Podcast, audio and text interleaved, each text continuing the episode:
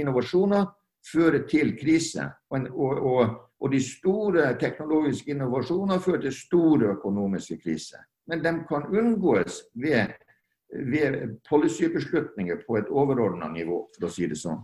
Jeg har med meg professor Jon Arild Johannessen, som er professor i ledelse ved Høgskolen Kristiania. Og mitt navn er Arne Krumsvik.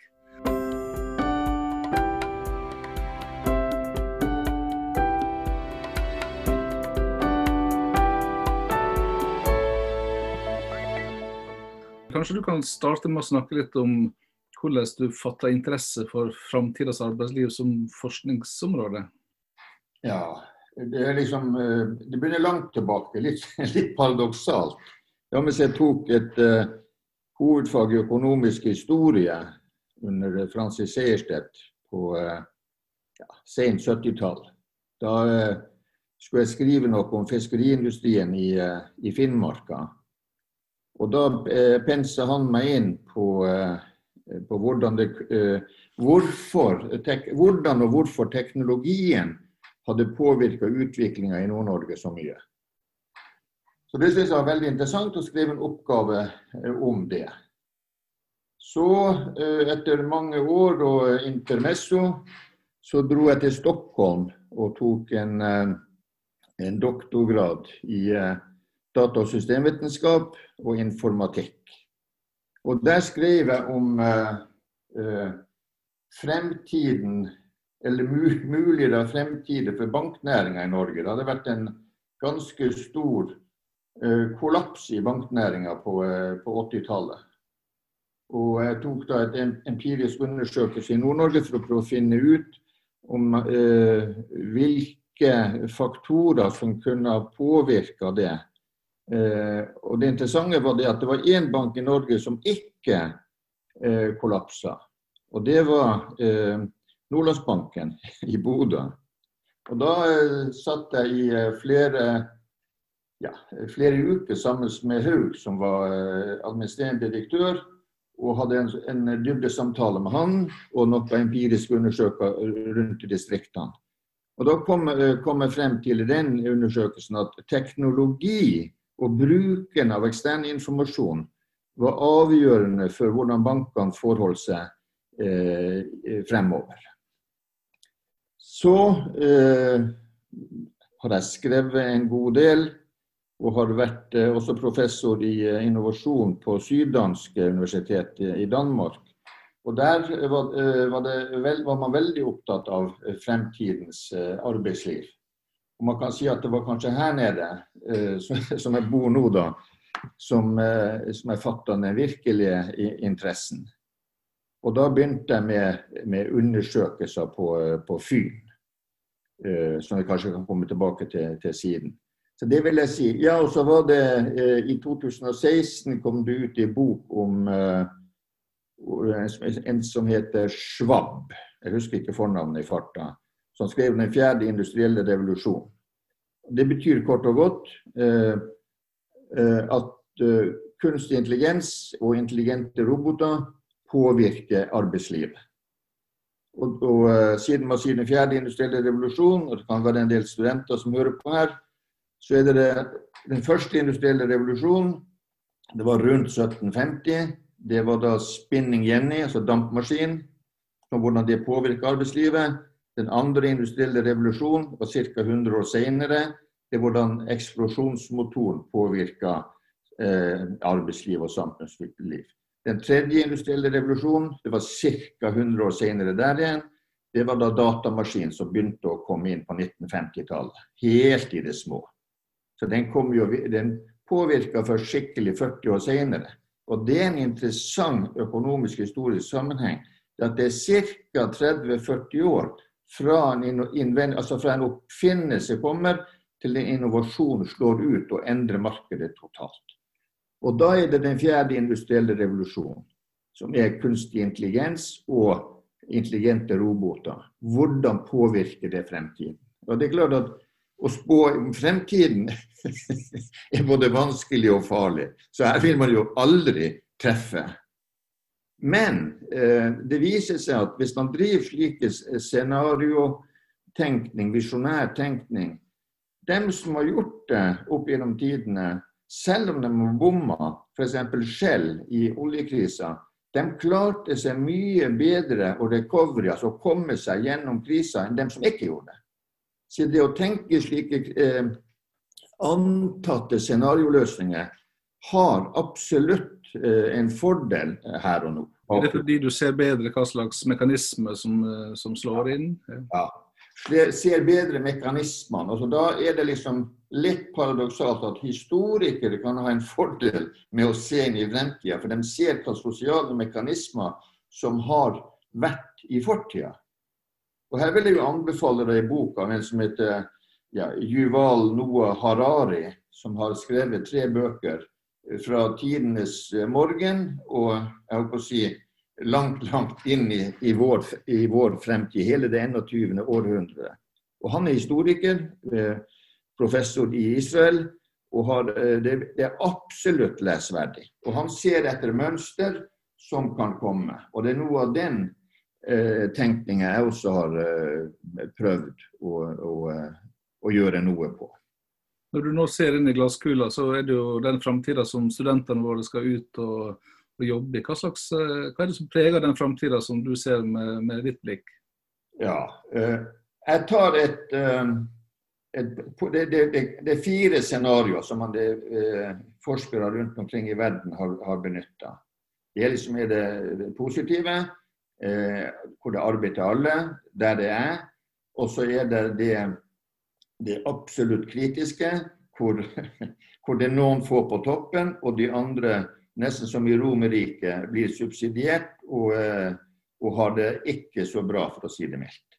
Og mitt perspektiv, og, og mange med meg, eh, eh, ser at på kort sikt så kan det nok bli trøbbel for noen som må omsko omskolere seg.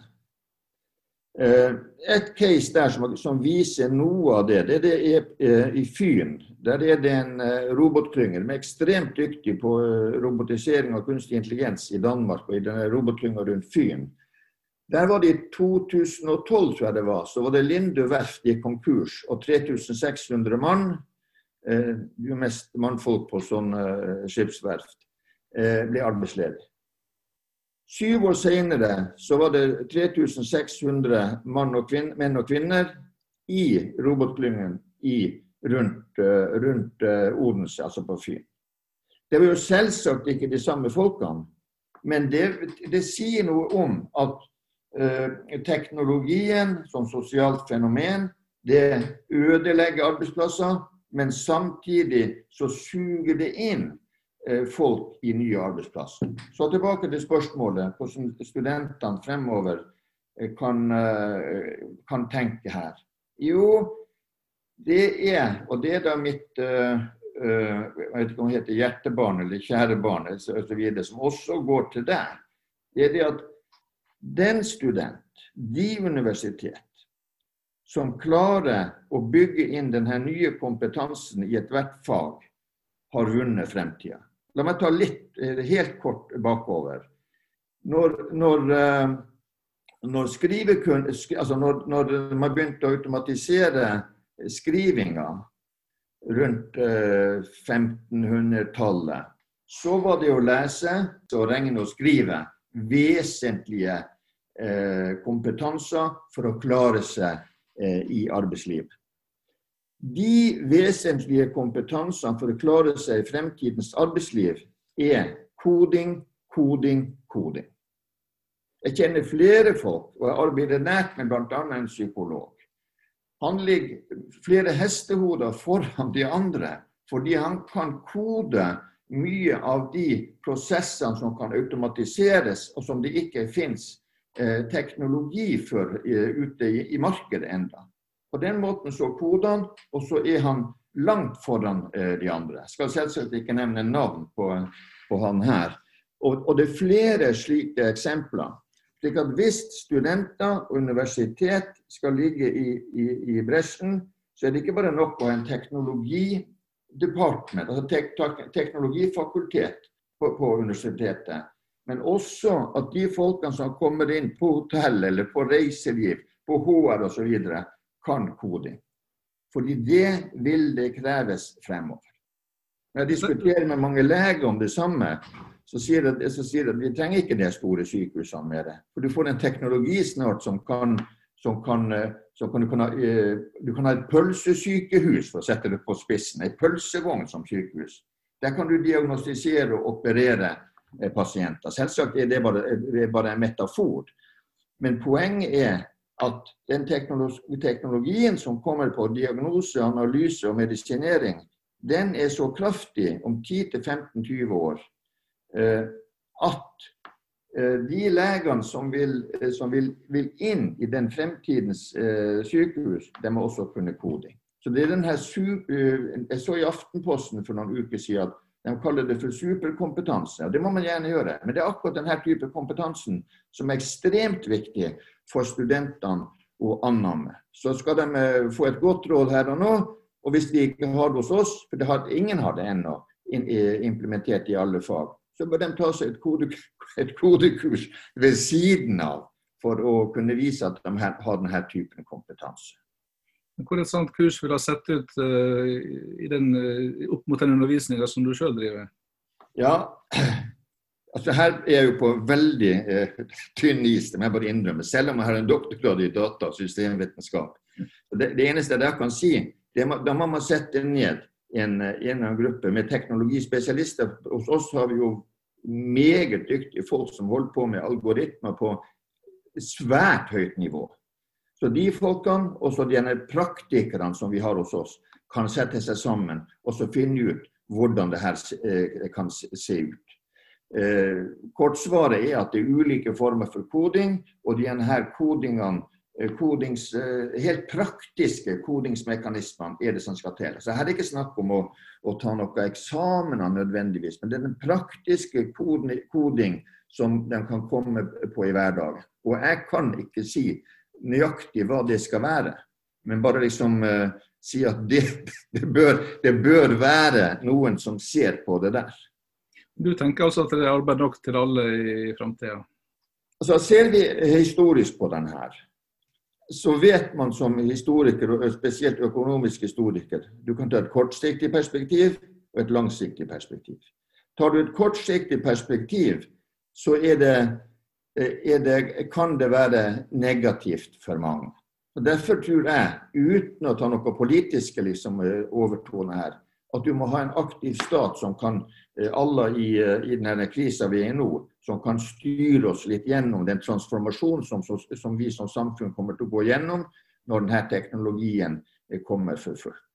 På lengre sikt så viser alle historier, fra spinning Jenny, dampmaskin, at Eh, det, er, det transformeres på den ene sida kompetansen, og på den andre sida så etterspørres det mer kompetanse enn før. Men det blir et mer meningsfylt liv enn det var tidligere. Velvære øker, og velstand øker for folk flest. Det er et liten hake her, og det kan vi da se. Det er ikke bare kobla til teknologi, men til global konkurranse. Der ser vi at det som skjer nå, det er jo at Kina ligger på topp i denne med kunstig intelligens. Og det er jo der konkurransen mellom Kina og USA ligger. Ikke på andre ting. Det er den grunnleggende konkurranse. For alle vet på det her nivået, USA og Kina og Europa, den som kommer først eh, til mølla, for å si det sånn, i det her teknologiske kappløpet, vil være den nasjonen som leder de neste 50, 60, 70, 80, 90, 100 år fremover. Det har det gjort England i 1750, Tyskland kom inn senere, og så kom USA inn. Så den konkurransen på teknologisida ligger i stor grad i bunn for de konfliktene vi ser mellom Kina og USA. Når du forsker på, på framtida og, og bygger sånne scenarioer som som du snakker om, um, hvis du har studenter nå som har lyst til å prøve seg på noe lignende, hvordan uh, vil du råde deg til å gå fram? sånn metodisk? Ja, altså Når jeg underviser, så, så, underviser jeg faktisk i den metoden der. Og, og det Kortversjonen er man tar utgangspunkt i fakta uh, og eller empiri. Det kan man gjøre med egen empiri, men det trenger man ikke å gjøre. For det er mer enn dyktige folk, uh, det er dyktigere folk enn en sjøl som har vært ute i feltet og henta inn empiri. Så Man tar utgangspunkt i deres fakta, empiri, så prøver man å, å, å abstrahere det, finne et mønster i data, og så prøve på nytt å abstrahere det her mønsteret til en typologi, hypoteser og, og eh, eh helst hvordan det kan, hvordan det kan påvirke f.eks. en liten bedrift i, i, i Oslo eh, eller hvor som helst. Så Du begynner med fakta, og så abstraherer du opp, og så tar du det ned igjen til praktisk relevans på, eh, si, på, på andre sida igjen. Det er kortversjonen av det der. og det, Vi kaller det for konseptuell generalisering. Det er ferdig ord. Altså. Det betyr at man bruker de konseptene som finnes, og så generaliserer man ut fra det. Men, men ofte så lager en, en flere sånne scenarioer. Eh, hvordan, hvordan, vet du hva, slags variabler du skal skru på når du skal eh, tenke framover? Da går det inn. Eh, jeg bruker da historiske metoder i stor grad. Så jeg ser på hva er det f.eks. Han har nevnt Harari. Hva er det han har funnet frem til her? Hva er det andre økonomiske historikere har funnet frem til? Hva er det folk som har leita etter sosiale mekanismer som påvirker samfunn? Hva er det slags variabler de har kommet frem til? Når de har funnet frem til de variablene, så utvikler jeg noen modeller som jeg så begynner å å, å, og, og detaljere ytterligere eh, nedover i og, og skrive da artikler, eller nå skriver jeg kapitler i bøker rundt den her, for det får det med til å, til å henge sammen av jobben sånn som jeg gjør nå. Når jeg følger litt med i, eh, i, debatten i offentligheten, så er det veldig mange som framstår mye mer pessimistiske enn deg. Hva er det de eh, ikke har sett som, som, det, som du har sett? Ja, nå er ikke det sikkert jeg har sett det som er rett i det hele tatt, men det er jo en, eh, det er, du kan si at det er to hovedstrømmer der ute. Det ene er den pessimistiske, og det andre er den optimistiske. Og hvis du tar et eh, pessimistisk perspektiv, ja, så tror jeg at eh, de, de, tar et kortsiktig perspektiv på teknologisk utvikling. Eh, og så har de et hovedargument som eh, Keynes, den store økonomen på 30-tallet, sa. Ja ja, men i det lange løpet er vi jo alle døde. Men, men, det, men det, blir for lettvint. De tar et kortsiktig perspektiv, og da kan de ha rett. Ser du et lengre perspektiv, så er jeg helt sikker på at uh, det positive uh, perspektivet er riktig. For det er det vi ser, og det er det Harari har sett i, i, i all den tid han har fokusert på. Og Det er derfor jeg er ganske overbevist om, uansett politisk som partipolitikk, så er det eh, en aktiv stat på et eller annet vis som må geleide oss gjennom de her uh, transformasjonene som ikke er positivt for, for alle. Det som har sett i, sett i covid-19-krisa, kan godt være et lite eksempel og en mal på hvordan man kan komme gjennom sånne store teknologiske revolusjoner. For her er, snakker vi om ikke, ikke, de små, men de store. Og liksom en, eh, en av de første bøkene jeg fikk ut på Pelgrev, den, den het uh, på norsk uh, 'Innovasjon fører til økonomiske kriser'. Så den, bare på tittelen gikk jo den inn med en gang. Og, og, det er enkelt å forklare, jeg tenker ikke å gjøre det her. Men innovasjoner fører til krise. Og, og, de store teknologiske innovasjoner fører til store økonomiske kriser. Men de kan unngås ved, ved policybeslutninger på et overordna nivå, for å si det sånn. Så Jeg tror ikke de har sett noe feil, de som tar det negative. Men uh, de ser kanskje på et kortere perspektiv. Derimot så er det en stor samfunnsmessig angst der ute. Den samfunnsmessige angsten har vi sett i alle teknologiske revolusjoner. Og uh, dem som husker sin historie fra gymnaset, det var da ludittene, luditterbevegelsen. De gikk inn, og så knuste de spinning Jenny, dampmaskinene. Nettopp fordi de tok uh, arbeidsplassene fra det. Den samme luditte, ikke den samme, men en ny type ludittebevegelse i dag er kan være skal være litt forsiktig her nå, men det kan være dem som hele tida tar et negativt perspektiv på den nye teknologien. For Poenget er i hvert fall helt sikkert. Hvis vi ikke er med i denne, den nye teknologien som vokser frem på alle nivåer, ja, så kommer vi i den økonomiske bakevjen. Det har historien vist oss gang på gang. Og det er nok av land som er der. Så, men det er klart, det, det, å ha et kritisk blikk på, på, på, teknologien er jo viktig.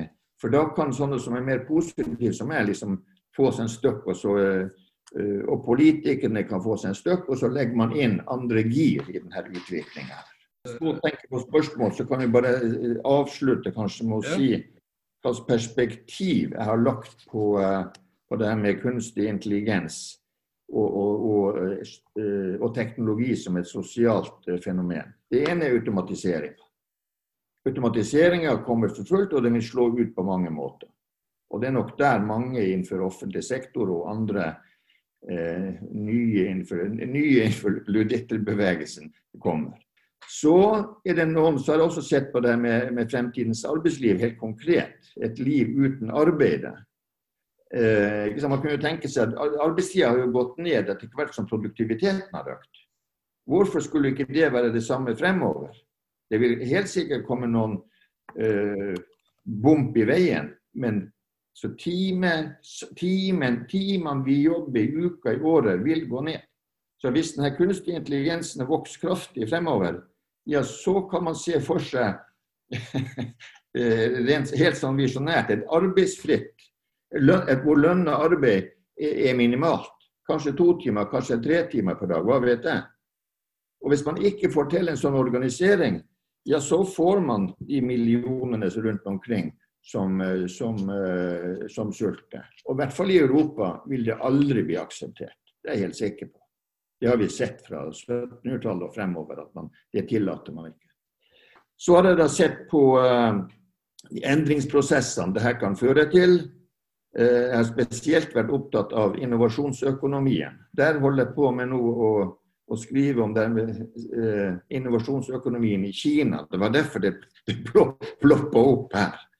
Og da innovasjonsøkonomien også i Europa.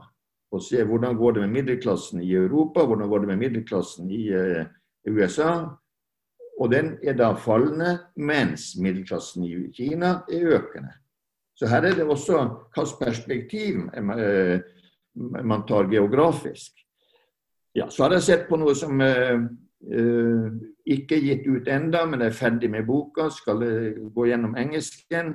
Det er det her med kreativitet og bevissthet. Kan de her, kan, kan, og da er man over nesten i filosofien. Kan, denne, kan de her maskinene her som kommer, utvikle en eller annen form for bevissthet? Kan det være kreativ?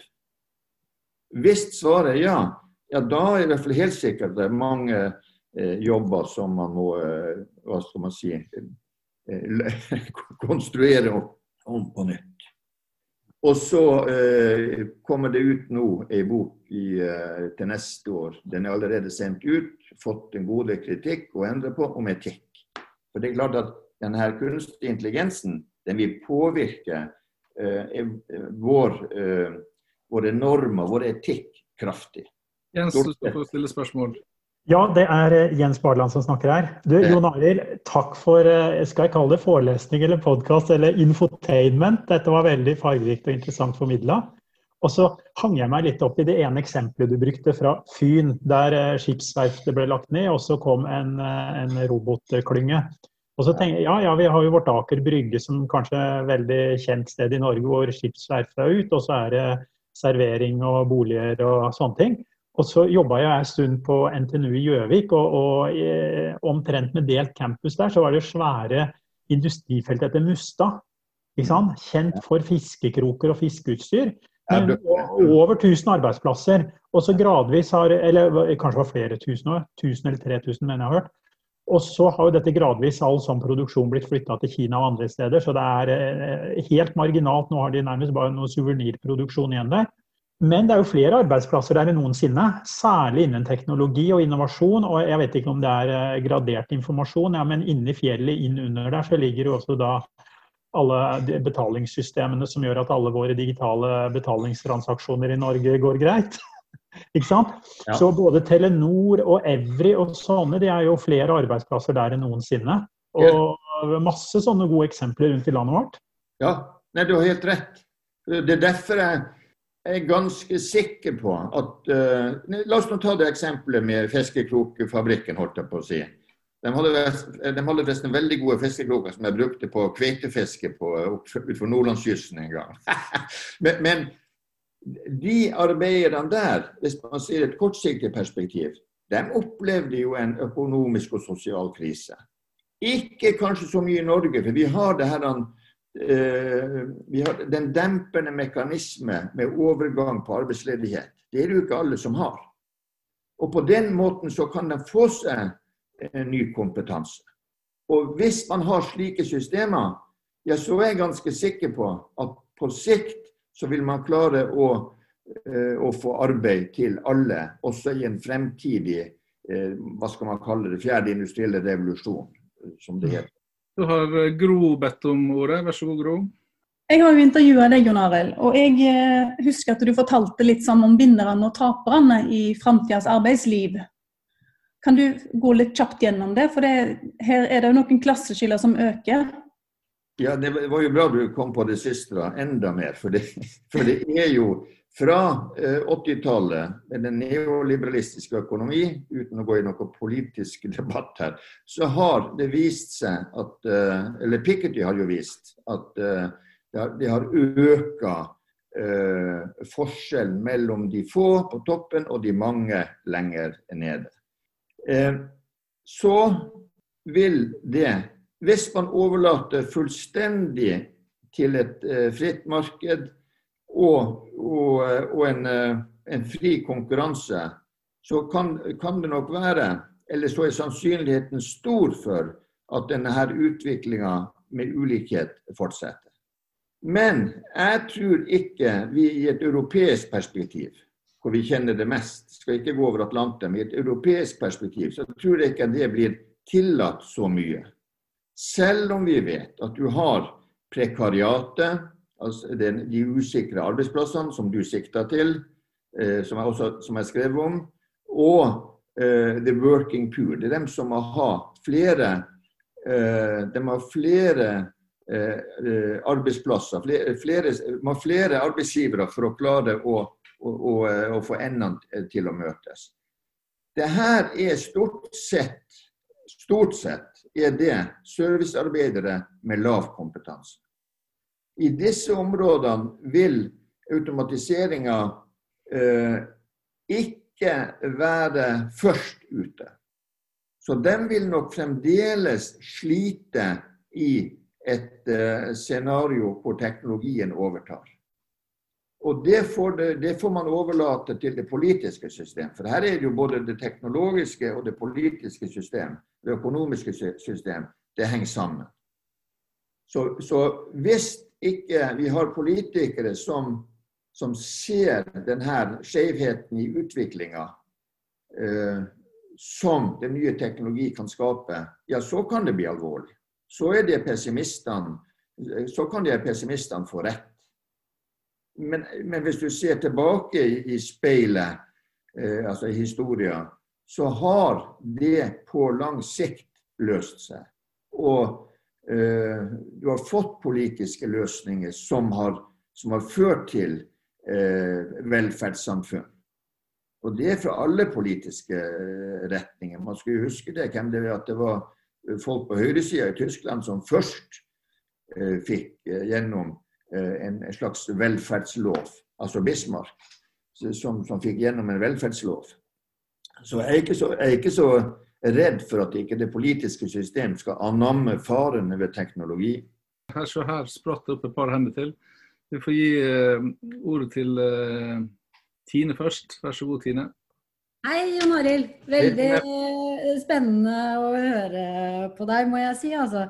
Jeg lurer på, Kan du si noe mer om hvilke trender, i, i tillegg til den teknologiske utviklingen som du har nevnt, og dette med fokus på algoritmer, Eh, tror du vil få størst innvirkning på, i positiv eller negativ forstand, eh, på utdanningssektoren fremover? Altså, jeg tror at denne universitetskriteriene man har i Norge i dag, er vansinnig. Her skal man ha universitet som kan alt. Mens fremtida peker på at det, skal, er større spesialisering. Så en trend jeg tror vil komme, det er det at man får universiteter som er spissa inn på f.eks. medisin, f.eks. teknologi, f.eks. kultur osv. Men det ligger jo eh, bare i hva jeg, hva jeg tror eh, som vil være rasjonelt, fornuftig for å utvikle eh, kompetansen i fremtida. Men det er jo bare et pennestrøk i, i Stortinget. Så har vi nye univers universitetskrav i Norge også. Med det, Trine, så er jeg usikker på, på, trendene. Jeg vil jo tro hvis det er riktig at du får en full automatisering, og det er jeg helt sikker på kommer, så blir det mer jobbmuligheter innenfor helse. Det blir mer jobbmuligheter innenfor kultur. Det blir mer jobbmuligheter innenfor informasjon og kommunikasjonsprosess. Det er ganske sikker Derimot eh, tror jeg hvis vi skal ta videre eh, en trend på lønnsnivået, så er jeg ganske sikker på at det som går under navnet STEM-kompetanse, altså dem som har science, altså dvs. Si naturvitenskap, technology, teknologi, engineering, Eh, og, matematikk. De kommer nok opp i en høy topp på, på lønnslista. Og så er det, er det, fallende lønn, lønnsutvikling for mange andre. Det det er min antakelse. Solfri, vær så god. Tusen takk. Eh, hyggelig å se deg, Jon Arild. Og, og, og, og, takk for et uh, forrykende innlegg. Uh, jeg har lyst til å ta tak i dette med, med fremtidens arbeidsliv. Uh, og hvis vi ser litt sånn utenfra og inn på oss i Kristiania. Hvordan mener du vi bør rigge oss? Du var innom dette med, med koding i alle fag. men men har vi noen, eh, har vi noen fortrinn som utdanningsinstitusjon som, eh, som, eh, gjør at vi er bedre rusta til å møte denne fremtida? Og er det noe vi bør gjøre for å møte den enda bedre? Så vårt fortrinn er jo, eh, og har, har, vært, at vi hurtig kan snu oss. Det har vi gjort noen gang før, før hurtig, men vi, det, det har vi klart. Eh, og, og, og ansatte, alle ansatte har, har, stilt opp. Det ene er hva vi kan, eh, kan gjøre. I en av denne bøkene så skriver jeg om, og da tenkte jeg faktisk eh, på oss, det er det at man, man, må få en større kobling til næringslivet, altså til praksis. Og det snakker alle om. Eh, vi har noen hos oss som har gått i spissen Eh, for å få til noen praksisplasser. Hvis man klarte å få pra praksisplasser for alle som eh, kommer til eh, Høgskolen Kristiania eller Christiane University, ja, så vil vi definitivt ha et fortrinn framfor alle andre. Hvordan det skal gjøres, det vet jeg ikke. Man kan ta sånne ildsjeler som Andreas osv og gi dem liksom noen eh, muligheter for å bygge ut den her, så kan, så kan, man kanskje klare det. Men det tror jeg vil være en avgjørende eh, fortrinn for, eh, for, oss. Pluss det, det er koding, det er liksom eh, helt overbevist om. Og så kanskje, og det, I akademia er det som å spytte i kirka, men det er en større integrasjon på tvers av fakultet. Altså Verden der ute er ikke bygd opp gjennom, gjennom skott og siloer rundt på bondelandet. Den er bygd opp gjennom integrasjon. Så Det bør man også kunne klare med det i større grad på universitetene, og i dette tilfellet hos oss.